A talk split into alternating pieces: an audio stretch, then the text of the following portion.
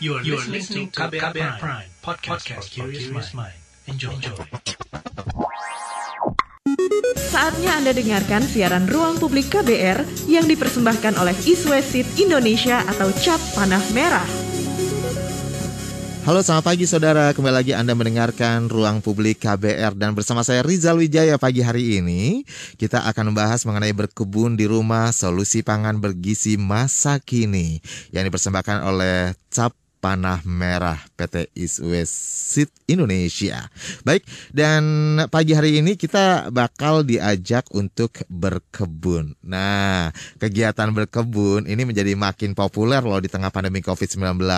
Dengan berkebun kita dapat menikmati hasilnya berupa bahan pangan yang sehat sambil mengisi waktu luang. Nah, selain itu, rumah jadi lebih asli serta membantu menjaga kesehatan tubuh dan pikiran dong tentunya.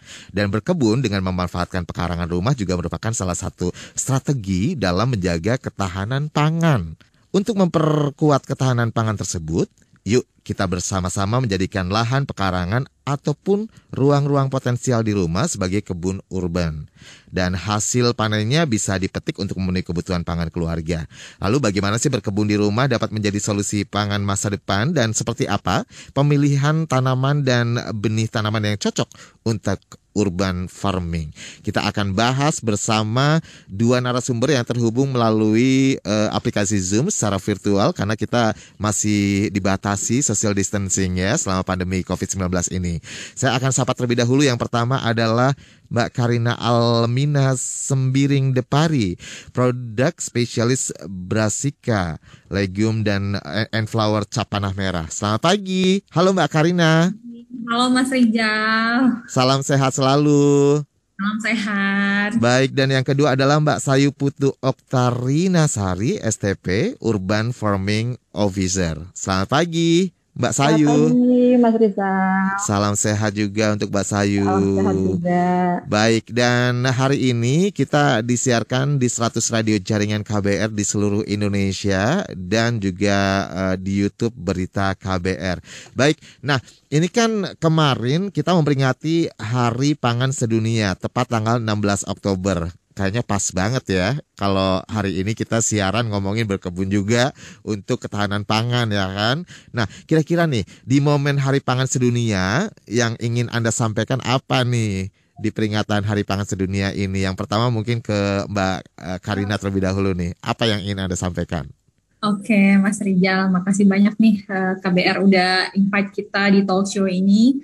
Dan um, hari ini tuh untuk memperingati Hari Pangan Sedunia tanggal 16 Oktober kemarin, saya cuma mau mengajak untuk uh, seluruh uh, yang mendengar nih listener untuk mari ini kita sukseskan ketahanan pangan pastinya supaya sumber pangan selalu tersedia dan mudah didapatkan oleh kita, orang sekitar kita, keluarga, dengan memulai uh, menanam di sekitar kita. Jadi gitu sih Mas Rizal. Oke, jadi uh, semudah kita memetik depan uh, di lingkungan rumah terdekat gitu ya? Ya, intinya mari mulai dulu di. Mari mulai. Memang harus segera dimulai, harus bergerak kalau jangan cuma jadi wacana teori doang ya. ya, betul Mas Rijal. Oke, yang penting prakteknya ya. Baik, kalau dari Mbak Sayu sendiri apa sih yang ingin disampaikan di uh, momen peringatan Hari Pangan Sedunia ini?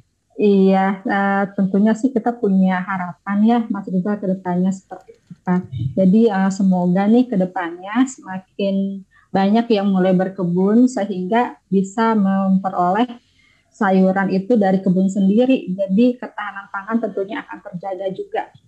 Tuh. Jadi ayo kita bercocok tanam mulai dari sekarang nih. Oke, karena kan kalau uh, ini saya perhatiin nih analisa saya nih sebagai seorang uh, laki-laki gitu ya. Ibu-ibu nih atau perempuan kalau misalnya belanja gitu selalu bilang enak ya yang di kampung itu uh, nggak pakai beli tinggal metik ya kan? Iya benar. nah diharapkan bukan hanya di kampung saja ya kan atau di tanah hmm. kelahiran kita tapi juga di lingkungan rumah terdekat kita even ya di kota besar kayak seperti Jakarta atau di mana gitu ya. Baik. Iya. Nah sebenarnya nih kalau uh, ke Mbak Sayu nih yang pertama. Oke. Okay. Sebenarnya kenapa sih berkebun di rumah itu menjadi perlu dilakukan? Apakah memang pas lagi momennya pandemi COVID-19 saja karena banyak di rumah berkegiatannya? Hmm. Atau seperti apa sebenarnya? Uh, sebenarnya sih berkebun di rumah itu nggak harus saat COVID aja ya, karena ini sebenarnya COVID itu situasi yang tidak diinginkan. Jadi teman-teman banyak bingung juga mau ngapain ya sama PPKM di rumah ya udah berartinya cocok tanam. Jadi bercocok tanam nih terutama untuk teman-teman pendengar yang di kota itu nggak harus di masa COVID aja karena uh, dengan berkebun di rumah tentunya itu kita dapat memperoleh sayuran dan juga buah yang lebih segar dan lebih sehat gitu. Karena kan kita merawat sendiri nih untuk dikonsumsi sendiri. Seperti betul. itu nih Mas Rizal. Ibarat makanan fresh from the oven gitu ya. Iya betul. Selain menyehatkan badan juga menyehatkan pikiran tentunya ya. Hmm. Dapat refresh nih dari bercocok tanam itu. Iya, apalagi kalau bentar-bentar dilihatin nih Kira-kira udah iya. berdua Lumayan buat hiburan sebenarnya. Eh benar banget, setuju. Apalagi di tengah-tengah kesibukan seperti itu ya. Baik. Iya. Nah, kalau berkebun di rumah ini uh, tadi dikatakan dapat berkontribusi uh, terhadap ketahanan pangan nasional. Nah, hubungannya okay. apa ya? Coba boleh dijelaskan deh Mbak Sayu. Iya, sebenarnya hubungannya tentunya berkaitan erat ya Mas Rizal. Terutama untuk masyarakat di kota tentunya kalau kita nunggu dari desa kadang-kadang uh, kita kurang dap kurang dapat nih sayur-sayurannya dalam artian wah kehabisan stok nih gitu kan. Nah itu kan terutama salah satu ancaman pangan. Hmm. nah dengan kita bertanam di rumah bertanam di rumah nah itu untuk membantu kebutuhan kita sendiri sebenarnya kebutuhan pangan keluarga gitu jadi teman-teman yang mau nanam sayur di rumah tentunya akan mendapatkan sayuran yang lebih cepat, terutama sayuran yang disukai di oleh anggota keluarga, ya kan? Sayur-sayuran seperti cabai kayak gitu kan. Uh, kalau misalkan kita butuh banget, wah di dapur habis nih mas, hmm. tinggal satu biji misalkan, oh iya saya punya cabai nih di depan, saya bisa cepet nih dapat metiknya kayak gitu langsung petik langsung masak langsung gitu. petik langsung masak lebih fresh kan oke okay. nah kalau dari Mbak Karina mungkin ada tambahan nih Mbak Karina boleh tahu dong kalau di rumah Mbak Karina sendiri uh, nanam apa nih berkebunnya oh kalau saya tuh banyak nanamnya Mas uh. Rijal ada labu madu nih saya lagi mau panen hmm. terus uh, labu madu dari cap panah merah juga terus juga cabe, terong, terus uh, kembang kol larissa gitu ya, kembang kol khusus dataran rendah. Jadi uh, saya itu memang ibu saya itu sangat suka nanam ya karena hmm. memang uh, basicnya petani dari kampung saya ajak ke sini ke Bekasi kebetulan tinggalnya jadinya tetap nanam-nanam gitu. Ya apa sih ya hubungannya dengan ketahanan pangan gitu? Karena memang kalau kita memulai dengan dari rumah itu Mas Rizal tahu sendiri ya kalau cabai itu lagi stoknya kosong tuh bisa gila-gilaan harganya ya. Nggak masuk akal ya. iya, apalagi kemarin pengalaman banget ya Mas ya. Hmm.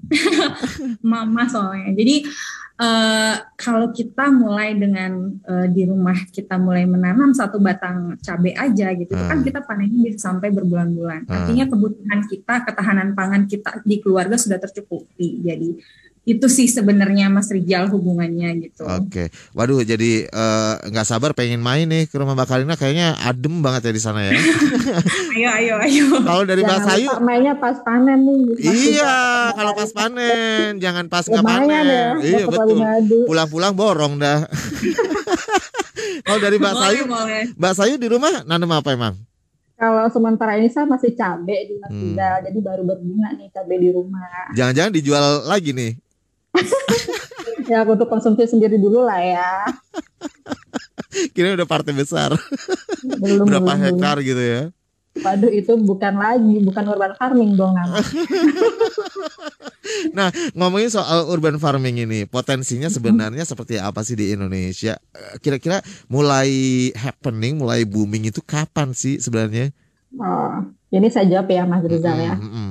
Jadi sedikit cerita nih, uh, kenapa Spesies Indonesia atau Cap Tanah Merah itu mengembangkan urban farming itu karena uh, kebutuhan sayuran di Indonesia itu maksudnya konsumsinya itu masih kecil nih terutama di wilayah perkotaan ya Jadi Indo apa Iswesit mulai urban farming itu sejak tahun 2014 nih Mas Rizal.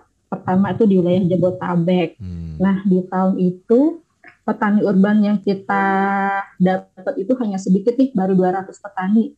Sedangkan di 2020 kita udah ada 25 ribu petani urban nih. Tapi seluruh Indonesia ya, tentunya di kota-kota besar terutama seperti itu. Jadi kalau dilihat dari 2014 ke 2020 potensinya cukup tinggi walaupun masih banyak teman-teman kita yang belum mau memulai nih mungkin karena keterbatasan waktu juga kayaknya. Hmm. Oke. Okay. Nah, ya jadi kalau untuk urban farming sendiri pengembangannya nggak uh, hanya di halaman rumah aja nih Mas Rizal di kota kan sekarang banyak banget nih ya yang ada rooftop kayak gitu. Kemudian gedung-gedung tinggi di sana tuh juga bisa.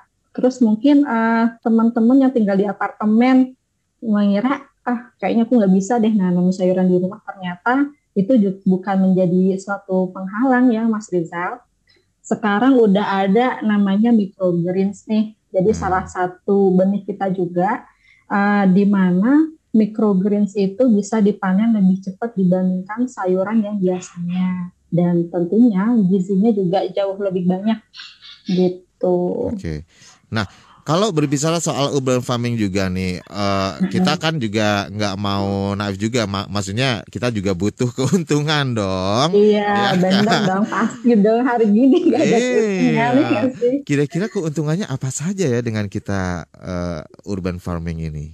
Yang pertama nih pasti dari segi ekonomi, terutama buat ibu-ibu nih Mas Rizal, okay. yang selalu di dapur kan, jadi dengan urban farming seperti tadi sayuran cabai kita bisa tanam petik sendiri tentunya mengurangi pengeluaran dong mas kita lebih hemat ya, ya. makin hemat. Apalagi kalau misalkan harga cabai pas melambung tinggi tuh.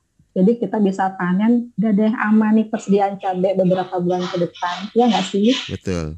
Betul. Kemudian yang kedua dari kesehatan nih mas Rizal. Pertama kesehatan tubuh dan juga kesehatan mental kalau dari kesehatan tubuh, nah kita kan panen sayur dan buah segar yang kita rawat sendiri. Hmm. Tentunya kita menjauhkanlah penggunaan pestisida atau zat-zat beracun lainnya nih untuk menjaga si tanaman. Tentunya akan lebih sehat di situ. Kemudian kalau dari segi mental nih, karena kita merawat, jadi kita tuh punya uh, kepuasan tersendiri nih Mas Rizal dari merawat, kemudian panen, apalagi pas panen pasti bakalan seneng banget tuh. Hmm. Jadi ya kan? Jadi keuntungannya luar biasa ya, banyak ya, banget terutama banyak, buat kesehatan ya kan. Betul. Kemudian Dan, untuk lingkungan juga uh, menunjang juga tuh Mas Rizal. Hmm. Dengan banyak tanaman tentunya udara semakin segar ya Mas Rizal. Betul. iya. Terus uh, satu lagi ada yang dari segi edukasi ini Mas Rizal. Mungkin uh, kalau di kota jarang nih anak-anak yang mau uh, berkotor-kotoran ya atau mungkin bercocok tanam. Jadi kalau dengan berurban farming uh, itu bisa mengenalkan kepada uh, generasi yang masih muda banget nih itu uh, tanamannya ini namanya apa, kemudian cara hidupnya bagaimana, cara menanamnya seperti apa gitu. Oke, jadi ditanamkan sejak dini ya. Sejak dini, betul. Nggak ada lagi istilah misalnya anak-anak nggak tahu bentuknya buah apa misalnya yang sekarang jarang dijumpai di pasaran gitu. Kasihan juga loh. Kadang-kadang anak aja nih mau ngelihat buah stroberi secara langsung aja itu cuma uh -huh. bisa melihat dari TV misalnya. iya, tanamannya nggak tahu ya. Nah itu dia. Jadi perlu juga dikenalkan sejak dini seperti iya. itu. Nah kalau dari uh, Mbak Kanina sendiri nih, kira-kira mulai sejak kapan nih tertarik dengan urban farming ini? Oh, mulai praktik dari... deh Oh, mulai praktek yeah. itu sejak saya menikah sih Mas ya, oh. itu 2018. Ya udah rumah sendiri. Biasanya kan kalau kerja ngekos ya, nah itu ah. memang belum karena juga di kantor juga uh, sering lihat-lihat tanaman gitu ya. Terus kalau misalnya sekarang ngisi waktu itu memang apalagi saya punya anak umur 2 tahun dari sekarang benar kata Sayu saya kenalin gitu hmm. ini tanah ya gitu jadi kalau kita jadi sambil bermain gitu Mas Rijal jadi juga ke ibu saya juga makin sehat dengan menanam-nanam. Terus betul banget kata Mbak Sayu ya, karena kalau misalnya yang dari uh, konvensional kan kadang gimana supaya tidak ter, apa daunnya itu tidak uh, dimakan ulat, jadi Hmm. penyemprotannya itu banyak. Nah itu kan kita tidak tahu residu kimianya di situ. Nah, Oke. Jadi Misalnya kalau ke ibu saya, kalau misalnya kayak seledri gitu, daun bawang, terus sayuran daun, itu sebisa mungkin memang kita tanam di depan rumah. Baik. Dan ini menarik banget ya. Maksudnya eh, kira-kira apa nih yang yang ya, misalnya pendengar kita ada yang sudah waduh pengen deh saya mulai urban farming, mulai menanam gitu ya di sekitar rumah kita. Apa saja sih yang harus disiapkan? Tapi jawabannya tunggu setelah jeda iklan ya. Tahan dulu. Tetap bersama saya Rizal Wijaya di Ruang Publik KBR. Anda masih mendengarkan siaran Ruang Publik KBR yang dipersembahkan oleh Iswesit atau Cap Panah Merah.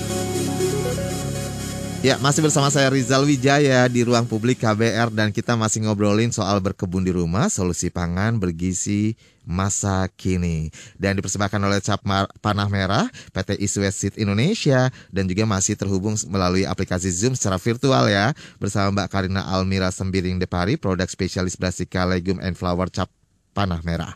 Kemudian Mbak Sayu Putu Oktarina Sari STP Urban Farming Officer. Baik, dan eh, ternyata sudah banyak banget yang komen melalui live chat YouTube Berita KBR pagi hari ini. Jadi bisa langsung bacakan ya, saya ya. Sebelum menjawab pertanyaan tadi sebelum jeda dari eh, saya. Oke?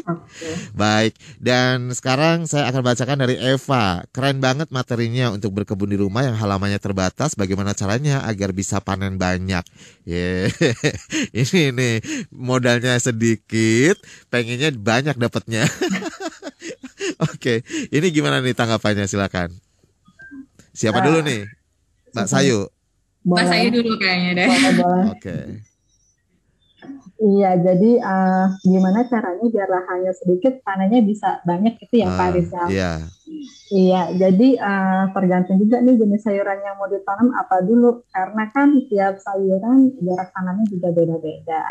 Tapi kalau misalkan ingin panennya banyak nih, biasanya kangkung sama bayam nih Kak, bisa banget tuh biar bisa panen banyak. Nah, kemudian eh, mungkin eh, metode penanamannya nih, bisa dia yang bertingkat nih. Kalau misalkan bertingkat kan ngabisin space-nya hampir sama dengan yang tidak bertingkat sebenarnya. Hmm. Tapi dengan jumlah uh, yang lebih banyak bisa dipanen dan ditanam gitu. Oke. Nah, boleh dicoba tuh ya, kangkung Uh, dan bayam. kangkung, bayam boleh. Oke. Nah, kalau eh, langkah-langkah yang di, yang harus diperhatikan bagi pemula mungkin yang baru mulai nih ya, kira-kira Hmm. apa nih yang harus diperhatikan yang paling penting? Yang paling penting itu adalah niatnya dulu nih ketiga. Niatnya dulu. ya niatnya dulu nih harus mau nanam apa nih kan Hmm. gitu ya. Yang pasti yang pertama itu adalah kita harus mempersiapkan benih yang berkualitas Mas Rizal. Tentunya harus dari cap tanah merah ya. Karena kita selalu jamin kualitasnya. Itu. Yang kedua nih metode penanamannya nih. Kita mau yang konvensional farming atau mau hidroponik juga bisa, aquaponik mungkin kalau memungkinkan lingkungannya.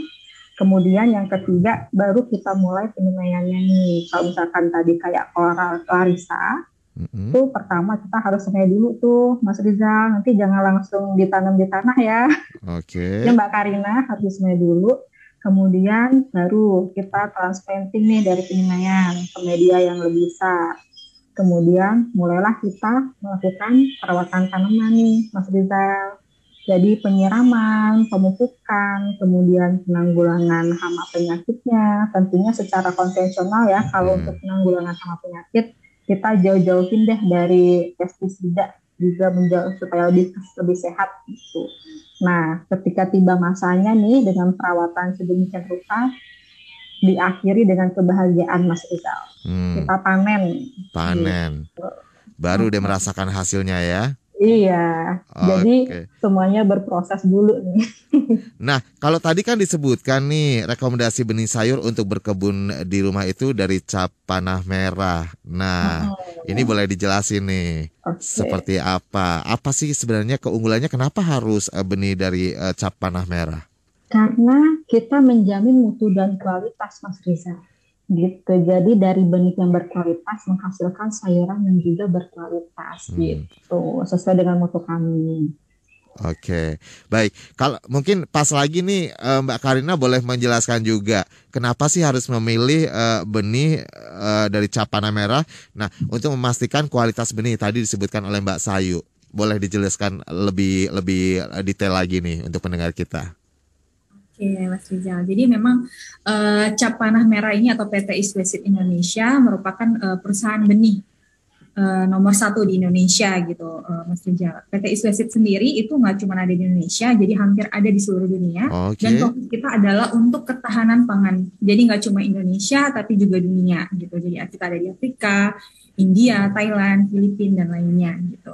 Jadi kenapa sih gitu kita nggak cuma ke konvensional atau petani uh, yang ada di yang lahannya luas, tapi Hmm. juga urban farming. Kita berharap bahwa semua uh, masyarakat di Indonesia uh, tahu bahwa cap panah merah ini memiliki tujuan yang sangat mulia yaitu untuk uh, kesejahteraan pangan kita di mana kita uh, mulai untuk uh, menanam uh, gitu dan kita tahu gitu bahwa benih ini benar-benar bergizi loh dan kita sangat menjamin kualitas dan mutunya gitu karena itu memang salah satu visi misi kami Mas Rizal gitu.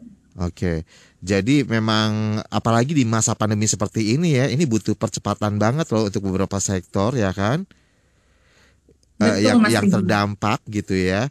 Iya Paling- betul betul. Paling enggak eh, dengan bertanam tadi eh, seperti sudah dijelaskan di awal banyak keuntungannya benefitnya yang kita rasakan terutama bagi kesehatan, terus eh, syukur-syukur eh, menghasilkan untuk materi income kita ya kan? Iya. Yang pasti kalau bertanam itu Mas Rizal sehat jiwa raga dan rohnya sih semua Ah. Yes, itu sehat. setuju. pasti mental apalagi itu pasti sehat banget. Sepakat banget. Nah, kira-kira Iya. nih, apa saja sih ciri-ciri benih yang dikatakan bermutu atau berkualitas tinggi nih? Oke, jadi em, kita itu mengatakan ada 4 M, Mas Rijal. M pertama itu adalah mutu fisik.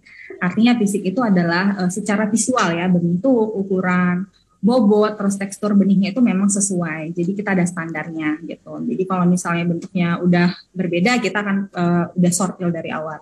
Kemudian M yang kedua itu adalah mutu fisiologis, artinya Hmm. kayak daya cambah, terus kemudian kadar air benihnya. Nah, dan juga ada daya simpan expired date-nya itu kita sudah sesuaikan dengan uh, Kementan karena Kementan itu mengeluarkan aturan. Jadi setiap Hmm. uh, crop atau tanaman itu beda-beda. Misalnya mentimun berapa, cauliflower berapa, berapa. Jadi itu beda-beda. Oh, ada hitung-hitungannya Terus sendiri gitu ya? Iya, betul Mas Rijal. Hmm. Dan M yang ketiga itu adalah mutu genetik. Jadi kan kita benih eh, eh, apa ya kita buat ya hasil eh, pemeliharaan tanaman. Jadi itu kita sudah pastikan kemurniannya itu di atas 99%. Dan M yang terakhir itu yang eh, penting juga adalah mutu patologis. Artinya benih yang kita jual itu tidak boleh mengandung eh, bibit penyakit. Hmm. Karena ternyata Mas Rijal bibit penyakit itu yang disebarkan oleh tanaman itu bisa juga endemik kayak pandemi sekarang. Jadi nggak cuma Oke. di manusia, di tanaman juga ada gitu. Ini bibit penyakit maksudnya dari hama atau seperti apa sih atau beda? Jadi gini Mas Rijal, jadi kan ada eh, penyakit pada tanaman itu ada yang dibawa oleh eh, ta- eh, angin udara atau Ah. tanah, ada yang dia memang seedborne penyebarannya itu melalui seeds atau benih. Jadi kita ini menjamin bahwa benih yang kita keluarkan itu tidak eh, mengandung penyakit. Jadi Hmm. kita kan penyebaran benihnya itu luas Mas Rijal. Bahkan nggak cuma Indonesia, kita kadang juga ekspor juga kan. Kayak kemarin Hmm. kita ekspor bersama Menteri Pertanian itu kangkung gitu ke luar.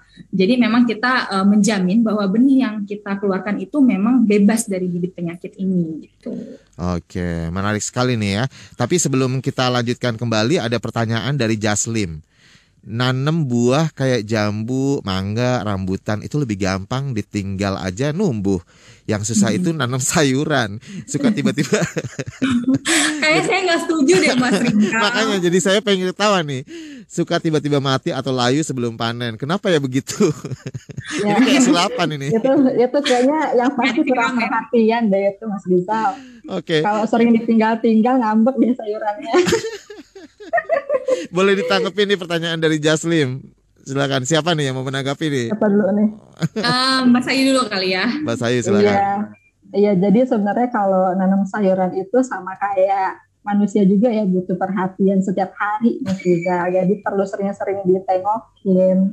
Jadi kalau untuk sayuran itu memang uh, kita kebutuhan airnya mungkin akan lebih cepat ketimbang uh, sayur apa tadi yang tumbuhan berkayu ya buah-buahan seperti itu gitu. Kemudian kan panennya juga lebih cepat gitu. Jadi uh, perlu perawatan lebih intens untuk uh, sayuran Mas Rizal. Oke, jadi sayuran bisa baper juga ternyata ya. iya dong. Kalau kasih sayang ya. Kalau nggak diperhatiin terus jadi layu gitu ya. Iya. Ya pastinya Mas Rizal karena kan kita e, ibaratnya kan tanaman itu ada yang tanaman tahunan ya hmm. karena dia di batangnya kan udah kuat. Nah kalau misalnya kayak sayuran daun kan memang harus disiram setiap hari gitu. Kecuali kayak kemarin hujan ya itu nggak usah disiram gitu. Tapi memang e, apa ya kalau menurut saya sih dengan kita kayak gitu kita juga ada kayak uh, caring gitu. Hmm. Jadi kayak ini yang saya rawat dari kecil kan uh, kalau apa ya tabu lampot ya tanaman buah dalam pot itu kan kita belinya udah jadi gede. Tapi kalau misalnya tanaman sayuran itu kan kita benar-benar dari biji Mas Rijal. Dari biji kita tanam terus makin besar makin besar dan kita panen misalnya umur uh, kalau sayuran bayam itu kan paling uh, panen itu umur 25 hari. Bayangin coba 25 hari kita udah panen dan itu benar-benar kayak wow gitu. Iya, iya. Iya benar-benar gitu. Jadi kita benar-benar kayak merawat anak sendiri gitu ya, yang ya, benar-benar da ya. dari lahir. Yang tahu bibit bebet bobotnya ya.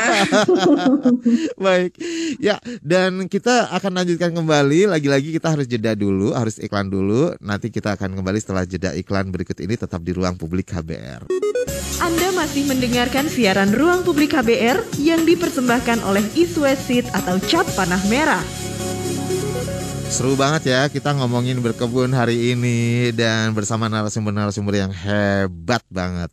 Ini praktisi juga soalnya ya kan. Da, ada Mbak Karina Almina, uh, produk spesialis Brassica Legume and Flower Cap Panah Merah, kemudian Mbak Sayu Putu Oktarina Sari, Urban Farming Officer ya. Baik, dan beberapa pertanyaan tadi sudah masuk melalui uh, YouTube di live chat YouTube Berita KBR ya. Dari Jaslim sudah dijawab. Kemudian dari Fitri Anggreni, kami mencoba menanam beberapa jenis sayuran menggunakan bibit yang dijual di supermarket. Mana ya yang lebih baik menanam dengan bibit yang kering atau mengambil bibit dari tanaman yang sedang berkembang? Nah, oh. ini nih. Udah saya gatel pengen jawab ya. Sama. silakan, silakan siapa dulu nih? Mas Rijal. Mbak Karina memang, dulu. Uh, ini sangat penting sekali ya, uh, Mas Rijal ya. Kalau misalnya kita harus tahu bahwa benih itu kalau kayak cabai itu ada yang dia benih hibrida namanya. Jadi hmm. ketika kita turunkan itu dia tidak akan sama dengan yang sebelumnya. Contoh misalnya uh, butter, uh, butternut pumpkin. Nah, itu kan bentuknya kayak butternut gitu ya. Nah, ketika kita ambil bijinya terus kita tanam lagi, nah itu bisa jadi bentuknya jadi muncul yang uh, apa ya, tetuanya, nenek-neneknya yang dulu gitu. Oh gitu. Jadi uh, kalau saya sarankan pastinya lebih baik uh, membeli yang sudah ada. Jadi misalnya kalau dia memang butternut pumpkin kayak labu madu nih dan cap panah merah, ya itu akan kita jamin gitu karena tadi yang mutunya 99% kemurniannya pasti bentuknya seperti itu gitu. Dan juga harganya sangat terjangkau Mas Rizal gitu. Hmm. Jadi menurut saya itu daripada kita ambil bijinya terus iniin terus kita kan biaya perawatannya juga sama aja tetap dikasih pupuk. Terus nanti pas dipanen oh kok bentuknya kayak gini ya kok rasanya nggak manis ya gitu. Jadi hmm. mending beli yang sudah jadi toh harganya juga sangat-sangat terjangkau Mas yang udah-udah pasti-pasti aja iya, dah. iya, ya kan iya. kualitasnya jangan beli juga. kucing dalam eh apa beli kucing, kucing dalam, dalam karung, karung betul. Bukan kebalik ya. beli karung dalam kucing ya. Nah Mbak Sayu mungkin kayaknya udah gatal juga pengen nambahin nih. Iya sebenarnya hampir sama sama jawaban Mbak Karina ya. Karena kalau benih yang dari kita kan kebanyakan sudah hibrida nih hmm. Mas Rizal. Jadi tentunya uh, dia kemurniannya sudah terjamin, Mas Rizal. Kemudian sebenarnya kalau benih yang kita kita gunakan untuk bercocok tanam itu kebutuhannya hanya lima persen dari keseluruhan loh Mas Rizal. Hmm. Jadi lebih banyak itu pengeluaran kita untuk perawatan sebenarnya seperti pupuk, media dan lain-lain. Jadi jauh banget kan. Sedangkan kalau misalkan kita bikin sendiri itu kualitasnya udah pasti jauh tuh dari benih yang sudah siap dari perusahaan. Oke. Okay. Gitu. Jadi sebenarnya harganya dibilang nggak menguras kantong kan, nggak sampai menguras kantong. Itu sangat, harga, tidak harganya murah. Itu berapa sih murahnya itu berapa? Penasaran deh. Iya, kalau itu uh, teman-teman bisa beli langsung aja nanti. Kalau misalkan pas lagi ke Hypermart, di sana kita juga ada. Kalau mau online di e-commerce juga kita ada di Mas Rizal. Tinggal cari aja Capanah Merah Official. Oke. Gitu. Nah, kita tadi juga udah dikenalin Capanah Merah ini bersama Mbak Karina ya, tapi uh, lebih uh, detailnya lagi, ini produknya apa saja sebenarnya? Oke, okay, jadi yeah. kalau misalnya produk dari Capana Merah ini karena memang kita perusahaan hortikultura ya Mas Rijal, jadi memang kita berkembangnya di hortikultura seperti sayuran tadi juga ada jagung manis, terus kemudian ada labu. Dan kalau saya sendiri kan kebetulan produk spesialis untuk brasika, brasika itu adalah sejenis kubis-kubisan, ada pakcoy, caising, kembang kol yang nanti akan kita bahas juga yang salah satu terbaru dari kita. Terus kemudian legum, legum itu adalah sejenis kacang-kacangan seperti kacang panjang, buncis, dan flower. Kita juga ada flower, Mas Rijal. Hmm. Dan kita ada produk spesialis yang lainnya, ada khusus kukurbit itu yang merambat-merambat kayak labu, melon, semangka, mentimun, Lengkap juga ada ya? cabe, iya cabe kita all cabe ada, tomat ada, terong ada. Jadi hampir semua sayuran kita punya Mas Rijal tinggal dipilih. iya, betul banget. Jadi tergantung nih uh, teman-teman mau nyarinya apa kita ada kok. Tenang ada aja. ya, tenang aja. Kalau nggak ada kali ya. nah, eh, tadi dikatakan flower juga ada. Nah, iya. ini eh, apa aja? Iya. Kalau flower kita yang paling banyak itu adalah marigold, Mas hmm. Rijal. Mas Rijal pernah ke Bali nggak? Pernah. Di Bali itu ada tanaman yang biasanya uh, untuk um, umat Hindu, kebetulan saya Hindu ya. Uh, itu untuk uh, mereka berdoa itu sembahyang itu pakai canang sari. Nah itu ada marigold, jadi memang pakai bunga itu. Dan kalau misalnya kita ke daerah misalnya kayak uh, Batu Riti ke atas itu yang ke Ulun Danu ke arah situ, nah itu banyak yang hamparan bunga gitu. Iya, dan selain itu sih sebenarnya marigold itu kalau nyampe bandara nih Mas Rizal, mm-hmm. biasanya yeah. pasti ada tuh bunga yang warnanya kuning-kuning keemasan tuh. Nah, itu marigold kita biasanya juga digunakan untuk uh, dekorasi gitu. Hmm, oke oke oke. Jadi bukan hanya sebatas sayuran dan juga uh, buah-buahan ya kan, tapi juga ternyata uh, bunga juga disediakan juga ya. Luar yeah. biasa loh. Nah, ini salah satu produk dari Capana Merah adalah kembang kol Larissa. Nah, apa saja sih keunggulannya? Ya, Mas Rijal. Jadi memang Larissa ini tuh merupakan apa ya? Ini tuh produk terbaru dari Capana Merah. Jadi kalau misalnya kita biasanya tahu kembang kol itu nanamnya harus sejuk. Nah, Capana Merah selalu berinovasi. Jadi kita mengeluarkan Larissa. Larissa F1 itu adalah kembang kol dataran rendah. Jadi dia bisa ditanam di uh, lahan perkotaan yang panas, Mas Rijal, hmm. kayak Jakarta, Bekasi ya, yang panas itu dia bisa ber, uh, bisa tumbuh dan uh, Larissa ini merupakan hasil breeding atau hasil uh, pemilihan tanaman uh, produk anak negeri Mas Rijal. Jadi hmm. bukan uh, dari luar kita jual di sini bukan, tapi memang produk hasil anak negeri kita. Jadi sarjana pertanian yang ada di Indonesia menghasilkan si Larissa ini. Jadi kita harus bangga loh kita bisa Betul. menciptakan si produk ini gitu Mas Riza. Keren banget. Dan lagi-lagi kita harus bacakan pertanyaan. Ini uh, ternyata apa namanya tingkat awareness di masyarakat juga sudah mulai tinggi ternyata ya uh, dengan urban farming ini. Ada Eka, program yang apa apa sih program yang dilakukan East West Seed Indonesia supaya semakin banyak anak muda yang tertarik melakukan urban farming. Nah, mungkin dari Mbak uh, Karina dan juga Mbak Sayu ini boleh kali ya suatu saat bisa buka kelas khusus urban farming ya nggak sih?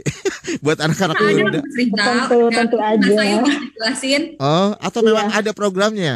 Ada, ada dong. Oh, Oke, okay. boleh dijelasin. Iya, jadi uh, sebenarnya kami dari business development ya yang uh, mengembangkan urban farming itu melakukan berbagai kegiatan Mas Rizal di lapangan untuk teman-teman baik dari anak-anak, remaja, mahasiswa bahkan ibu-ibu nih jadi uh, kemarin kita baru selesai ada kegiatan mengisi di kampus Merdeka, yang mana kita menggunakan urban farming kurang lebih satu setengah bulan. Kita mengajar menggunakan urban farming kepada mahasiswa yang di dalamnya itu tidak hanya dari Universitas Indonesia aja, tapi berbagai universitas di Indonesia. Itu salah satunya. Kemudian uh, selain itu biasanya kita juga ada uh, ke sekolah-sekolah nih Mas Rizal hmm. boleh dari TK SD SMP SMA juga nggak masalah mungkin nanti kalau dari teman-teman yang ingin banget sekolahnya ada kegiatan urban farming bisa kontak kami kok kami Wih. siap untuk mendampingi gitu. Ih keren banget sih, luar biasa loh. Tepuk tangan deh, gue salut nih. Waduh, ini kayaknya perlu deh suatu saat bikin nama KBR nih ya, ngundang teman-teman oh, wajib dong, harus itu. Wajib. Atau atau mau bikin KBR berkebun juga Iya, we webinar gitu kan secara virtual oh, boleh betul. dong, bagus ya buat pembekalan. Nah, kita ya, juga ya. bakal buka kesempatan hmm. buat yang mau telepon. Sebenarnya nomor telepon juga sudah tercantum ya di uh, YouTube kami di nomor 0800 245 7893 untuk nomor telepon bebas pulsa atau kirimkan WhatsApp di 0812 1188181. Nah, uh, mungkin ke Mbak Karina nih. Kembang kolarisa ini juga punya banyak keunggulan tadi sudah disebutkan ya. Dan salah satunya adalah keunggulan tahan penyakit. Nah, ini dari penyakit apa saja sih sebenarnya? Ya benar Mas uh, Rizal. Jadi memang kalau di kembang kol itu kan kita tahu ya petani uh, petani itu biasanya paling takut kalau tanamannya itu kena penyakit. Jadi ada dua penyakit yang paling uh, sering menyerang kembang kol. Uh, yang pertama itu adalah kresek atau black rot. Ya ini itu disebabkan oleh uh, bakteri Xanthomonas namanya. Jadi bakteri ini biasanya menyerang uh, bagian daun tanaman. Jadi Mas Rijal tan, uh, di bagian daun ini merupakan dapurnya tanaman. Jadi tanaman itu membuat makanan itu di bagian daun. Jadi ketika uh, diserang bagian daunnya itu pasti akan mengganggu uh, perkembangan daripada si kembang kol. Terus kemudian yang kedua, si larissa ini udah tahan terhadap soft rot. Apa itu soft rot? Soft rot atau yang biasanya disebut oleh uh, petani itu busuk lunak ya. Hmm. Nah itu uh, biasanya disebabkan oleh bakteri Erwinia namanya. Jadi kalau bakteri ini dia nyerangnya bagian batang dan bagian kembang. Nah di mana kalau misalnya itu ditandai dengan adanya bau busuk. Nah misalnya mungkin Mas Rizal pernah kali ya beli kembang kol itu ada kayak aroma-aroma busuk gitu. Nah itu karena penyebabnya adalah si bakteri ini. Kemudian kalau uh, dia uh, apa gejalanya itu dia berwarna coklat sampai kehitaman hmm. dan ini bisa menyebabkan gagal panen Mas Rijal. Jadi kalau dengan petani menanam si larissa ini tadi yang adalah produk anak negeri ya yang pastinya akan lebih adaptable di uh, Indonesia di kondisi kita bahkan di dataran rendah. Jadi pastinya petani itu tidak perlu takut untuk uh, gagal panen Betul. dan larissa ini kita jamin bisa ditanam di semua musim kalau biasanya uh, petani itu kan penyakit itu paling banyak itu musim hujan Mas Rizal. Mm -hmm. Jadi tidak cuma di manusia ya kalau hujan kena batuk pilek. Nah itu sama di uh, tanaman juga musim hujan itu suka kena penyakit gitu karena kelembaban tinggi. Jadi memang kita uh, bisa pastikan bahwa larissa ini bisa ditanam di semua musim okay. karena dia sudah memiliki ketahanan tadi itu. Iya, yeah, nggak usah ambil risiko deh ya daripada ntar gagal nah. panen ya kan. Mending tanam larissa. Nah itu dia. Tapi uh, sebelum kita lanjutkan ada penelpon ternyata dari okay. Ica, Ica di Depok. Mungkin nama lengkapnya Ica Ica di dinding bukan? Atau Ica sian deh loh. ada Ica. Selamat, selamat pagi Ica. Iya pagi. Silakan Ica. Iya mau nanya nih tentang yang kembang kolarisa tadi. Nah itu biasa untuk minimal perawatannya uh, berapa lama? Terus kira-kira luas lahannya tuh harus berapa sih kalau kayak di rumah gitu? Terus apakah medianya hanya tanah atau bisa digunakan media lain untuk penanamannya? Oh, Oke. Okay. Dijawab, banget dijawabnya nanti sabar, tahan dulu. Kita jeda iklan, jeda iklan dulu ya. Jangan ke mana-mana tetap di ruang publik KBR.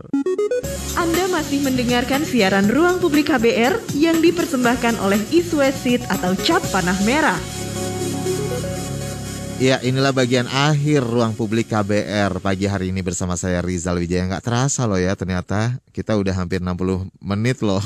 Waduh seneng banget nih bisa ngobrol sama Mbak Karina dan juga Mbak Sayu ya kan? Dari Cap Merah Dan eh, tadi pertanyaan dari Ica di Depok yang sudah telepon Untuk kembang kolarisa ini minimal perawatannya berapa lama? Sebenarnya susah nggak sih perawatannya gitu ya? Saya juga penasaran. Kemudian untuk luas lahannya berapa yang disarankan? Apakah sampai berhektar-hektar gitu. Apakah penanamannya harus di media tanah atau bisa pakai media lain? Yang jelas bukan media massa ya. Silakan. Apalagi media sosial ya. Apalagi media sosial di Twitter, Instagram. Silakan. Oke Mbak Ica, makasih banget pertanyaannya itu pertanyaan keren banget ya. Jadi udah merangkum semuanya. Jadi kalau perawatan di Larissa ini pasti karena dia sudah memiliki ketahanan penyakit tadi Mas Rijal. Jadi kita tidak perlu lagi ibaratnya aplikasi kayak pestisida dan lain-lain. Hmm. Jadi kita hanya uh, perlu memberikan nutrisi. Kalau saya sendiri sih kalau misalnya untuk di rumah itu biasanya saya cuma pakai NPK um, NPK 1616 itu dosisnya 5 gram per tanaman diaplikasikan 10 hari sekali itu sejak dia umur 14 hari setelah tanam. Hmm. Jadi uh, uh, si Larissa ini dia apa ya dia kan kembangnya itu besar. Jadi kalaupun misalnya kita tanam dengan media yang terbatas, kalau saya itu hanya menggunakan pot plastik kayak apa ya plastik uh, plastik bekas uh, minyak makan gitu-gitu, terus minyak uh, bekas sabun gitu. Nah itu saya gunting, nah itu saya jadikan media tanam dan memang uh, dipastikan kalau medianya itu bisa pakai tanah, nggak apa-apa tanah yang uh, biasa, tapi kalau bisa dicampur sama kompos. Hmm. Nah kompos saya sendiri itu juga saya buat sendiri, jadi limbah-limbah yang bisa misalnya dari sisa-sisa uh, masak apa yang limbah rumah tangga ya yang organik misalnya bekas-bekas uh, sayuran yang uh, tidak terpakai nah itu bisa dijadikan kompos juga. Jadi dicampur dengan itu Mas Rizal. Hmm. jadi memang sangat-sangat apa ya semuanya bisa kita dapatkan di situ gitu dapatkan di rumah. Jadi buat uh, pupuknya dari uh, sampah uh, organik rumah tangga dan itu yang kita aplikasikan dan mungkin bisa penambahan NPK uh, 16 16 tadi.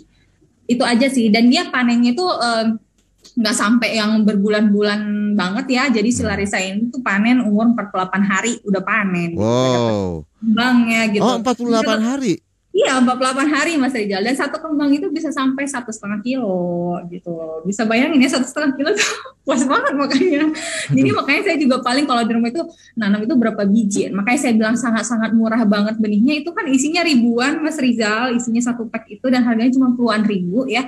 Tapi itu kita bisa tanam berkali-kali gitu. Betul. jadi sangat-sangat uh, apa ya eh, sangat efisien lah buat ibu-ibu di rumah pastinya. Ini buat suami-suami yang lagi mendengarkan pasti langsung deh Uh, bu, ya. Iya, Bu, kenapa nggak dari dulu sih, Mah? Kayak gitu kan, daripada beli. kembang kol itu mahal loh, Mas Rizal. Nah, Kalau iya. kembang kol itu bisa satu gini tuh lima belas ribu. Betul. Nah, itu udah dapat satu kemasan personal terus tuh Mbak Nggak nyampe malah lima belas ribu, Mas Rizal. Nggak nyampe, masih sisa bisa buat tanahnya tuh. Hmm, oke okay deh. Nah, ini kan tadi sudah dijelaskan juga mengenai perawatannya ya kan yang ternyata juga uh, simple, sederhana, mudah ya nggak sih? Nah, kira-kira nih manfaat buat kesehatan itu sendiri seperti apa sih? Hmm. Jadi uh, ini Mas uh, Riza ini penting banget ya. Kita kan tadi masalah gizi ya. Betul. Di pandemi itu itu sangat-sangat kesehatan itu sangat-sangat sangat eh, sangat-sangat diutamakan gitu. Jadi memang si kembang kol ini dia itu mengandung vitamin C yang tinggi, mengandung zinc juga, mengandung kalsium, terus me, uh, mengandung protein juga dan seratnya juga tinggi. Jadi keunggul uh, ke apa manfaatnya bagi kesehatan itu sangat banyak. Hmm. Yang pertama itu dia pastinya akan uh, untuk uh, meningkatkan imunitas ya karena dia mengandung vitamin C dan zinc yang kita tahu itu adalah uh, sangat diperlukan untuk imun tubuh.